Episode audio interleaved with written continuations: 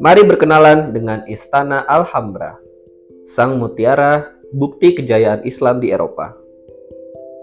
Tahukah kalian bahwa dahulu keagungan agama Islam sangat kuat terpancar di Eropa? Hal ini dibuktikan dengan adanya Istana Alhambra sebagai saksi bisu bagaimana Islam pernah berjaya di Eropa. Alhambra sendiri berasal dari bahasa Arab yang berarti merah karena dibuat dengan bahan utama yaitu tanah merah. Awalnya istana ini dibangun oleh bangsa Romawi sebagai benteng, tapi kemudian diambil alih oleh Raja Muhammad ibnu Yusuf bin Nasr. Lalu pada abad ke-13 ia membangun kembali istana tersebut menjadi lebih besar. Dan kini Istana Alhambra resmi masuk dalam daftar situs warisan dunia UNESCO pada akhir abad ke-20.